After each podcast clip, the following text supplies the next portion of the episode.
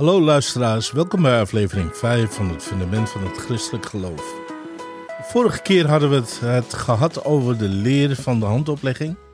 Vandaag gaan we het hebben over de leer van de opstanding der doden.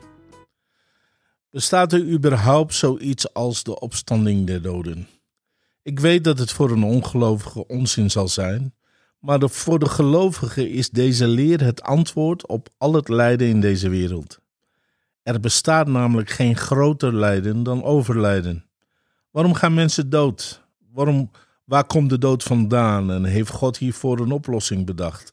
Wat zegt de Bijbel hierover? Wel, de Bijbel zegt in Romeinen 6, vers 23: van het loon dat de zonde geeft, is de dood. Kort gezegd, de Bijbel vertelt ons dat ieder mens zondig is, omdat iedereen in zonde geboren is.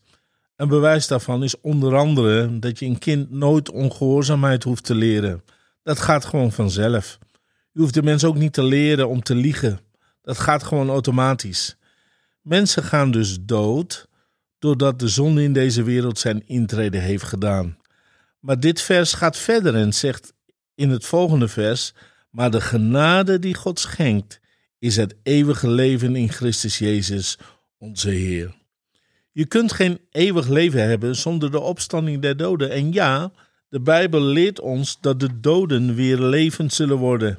En nee, ik heb het niet over zombies of zo.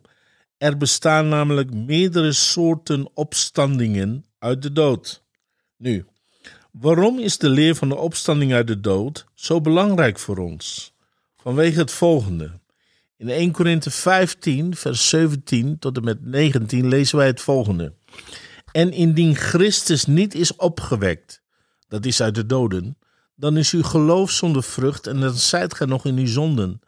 Dan zijn ook zij die in Christus ontslapen zijn, verloren. Die wij allen voor dit leven onze hoop op Christus gebouwd hebben, zijn wij de beklagenswaardigste van alle mensen. Wat de apostel hier probeert te zeggen is dat de opstanding van Jezus het bewijs is dat hij echt voor onze zonde gestorven is en dat zijn offer voor God een geldige verzoenoffer is voor de zonden van de gehele mensheid. Maar de opstanding van Jezus uit de doden is ook het bewijs dat Jezus met de zonde heeft afgerekend en dus ook met het loon van de zonde, omdat het loon van de zonde de dood is. Dat hebben we kunnen lezen in Romeinen 6, vers 23. Nu misschien denk je bij jezelf, ja maar Peter, uh, mensen gaan nu nog steeds dood, daar heb je gelijk in. Ja, de mens gaat nu nog steeds dood, omdat de eerste en tweede opstanding uit de doden nog niet heeft plaatsgevonden. Maar daar is een opstanding uit de doden die nu reeds heeft plaatsgevonden. En dan heb ik het niet over de doden die in het Oude Testament zijn opgewekt of Lazarus. Ik heb het over jouw geest en mijn geest. Voordat wij Christus kenden, was onze geest dood door de zonde. Maar toen wij de Heer hadden aangenomen als onze persoonlijke redder en verlosser, op dat moment werd onze geest weer levend. Dit kunt u lezen in het boek Efeze, tweede hoofdstuk, vers 1 tot en met 6.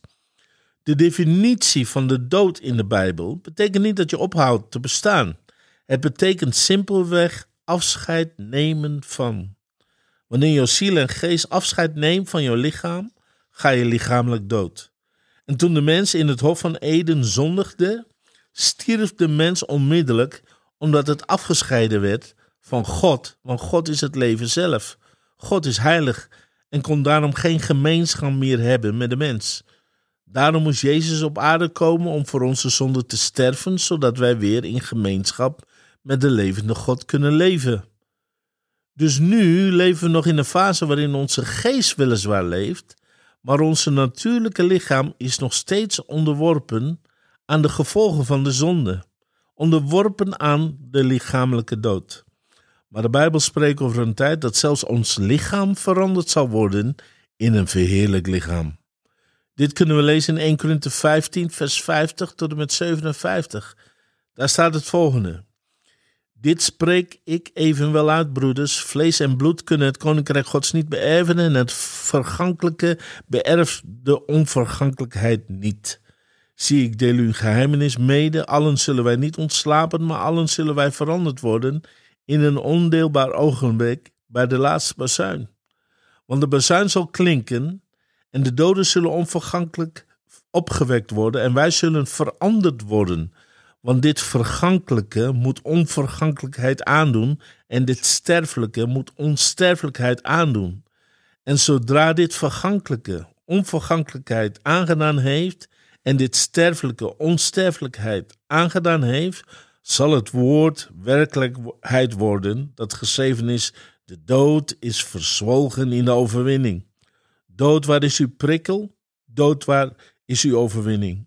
De prikkel des doods is de zonde en de kracht der zonde is de wet. Maar God zij dank die ons de overwinning geeft door onze Heer Jezus Christus. Wauw, wat een geweldige tekst. Het lichaam waarin wij nu wonen is niet compatible voor de plaats waar we naartoe gaan. Net zoals een astronaut niet zonder een ruimtepak kan rondlopen op de maan, alzo kunnen wij niet zonder een ander soort lichaam, oftewel een onvergankelijk en verheerlijk lichaam, niet eeuwig leven in het koninkrijk van God of in de hemel. We hebben een verheerlijk lichaam nodig om voor eeuwig bij God te kunnen leven. Daarom is er een opstanding uit de doden nodig, want het vergankelijke, dat is onze aardse lichaam, moet nog onvergankelijkheid aandoen. Daarom spreekt 1 Korinthe 15 over de eerste opstanding uit de doden die op een dag zal plaatsvinden. Omdat de Bijbel spreekt over een eerste opstanding uit de doden, in Thessalonicensen bijvoorbeeld 4 vers 14 en 15, en in Openbaring 20 vers 4 en 6, dan is er ook een tweede of een laatste opstanding. Dat kunnen we lezen in Openbaring 20, vers 11 tot en met 15. En ik zag een grote witte troon en hem die daarop gezeten was, voor wiens aangezicht de aarde en de hemel vluchtten, en geen plaats werd voor hen gevonden. En ik zag de doden, de groten en de kleinen, staande voor de troon. En er werden boeken geopend. En nog een ander boek werd geopend, en het boek des levens. En de doden werden geoordeeld op grond van hetgeen in de boeken geschreven stond, naar hun werken. En de zee gaf de doden die in haar waren, en de dood. En het dodenrijk gaf de doden die in hen waren. En zij werden geoordeeld, ieder naar zijn werken. En de dood en het dodenrijk werden in het poel des vuurs geworpen. Dat is de tweede dood, de poel des vuurs. En wanneer iemand niet bevonden werd geschreven te zijn in het boek des levens, werd hij geworpen in de poel des vuurs. Nou, lieve mensen, ik wil mij echt niet begeven op de stoel van de rechter door te zeggen wie wel of niet verloren gaat. Wat ik wel onder de aandacht wil brengen is dat bij dit oordeel de mensen werden geoordeeld naar hun werken en niet naar hun geloof. Zou God die rechtvaardig is mensen in de poel des vuurs werpen als zij nooit de kans hebben gehad om het echte evangelie van Jezus uh, te horen?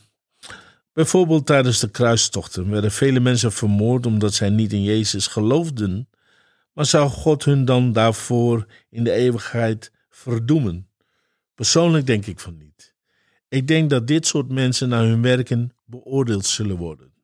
Gelukkig kunnen we wel van één ding uitgaan en, en dat is dat God rechtvaardig zal oordelen. Iets wat Hij alleen kan en wij niet.